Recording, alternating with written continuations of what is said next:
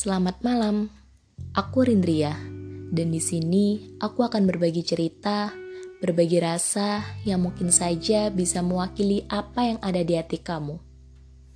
Buat kamu yang pernah atau lagi ngerasain udah berjuang tapi kok disia-siain, mungkin ini adalah topik yang pas buat kamu. Kalau misalnya di sini yang merasa memiliki cuman kamu dan yang berjuang cuman kamu sendiri, apa kamu akan tetap bertahan dan menunggunya untuk sadar keberadaanmu? Ingat ya, sayang boleh, tapi goblok jangan. Baik boleh, tapi terlalu sering baik juga bahaya.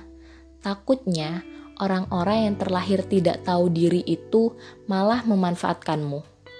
Gak ada salahnya kok buat selalu memaafkan seseorang yang sudah menyakitimu dan mengecewakanmu tapi kamu juga harus tahu batasan. Karena bisa saja ini akan menjadi celah seseorang itu untuk memanfaatkanmu dan malah akan menghancurkan dirimu sendiri. Buat kamu yang masih merutuki diri sendiri dan berpikir bahwa kamu tidak pantas untuk dia, tolong banget buat dengerin aku kali ini bukan kamu yang gak pantas, tapi dia yang gak pantas dan gak sebanding dengan tulusnya hati kamu. Mungkin dia dijauhkan dari kamu karena semesta tidak ingin kamu jatuh untuk kedua kalinya. Jadi, buat kamu yang sudah berjuang tetapi tidak sesuai dengan ekspektasi, yang sudah baik tetapi tidak pernah ternilai olehnya, yang sudah selalu ada tetapi malah disia-siakan, dan yang sudah memulai dengan harapan tetapi berujung dengan air mata, mungkin ini sudah saatnya untuk menyudahi. Ya, memang berpindah ke sebuah rumah itu tidak mudah. Menghilangkan kenangan-kenangan di kepala juga membutuhkan proses yang cukup rumit. Tapi, kalau misalnya dari diri kamu sendiri belum ada niatan memulai, semua proses itu tidak akan pernah selesai dan terus menghantuimu.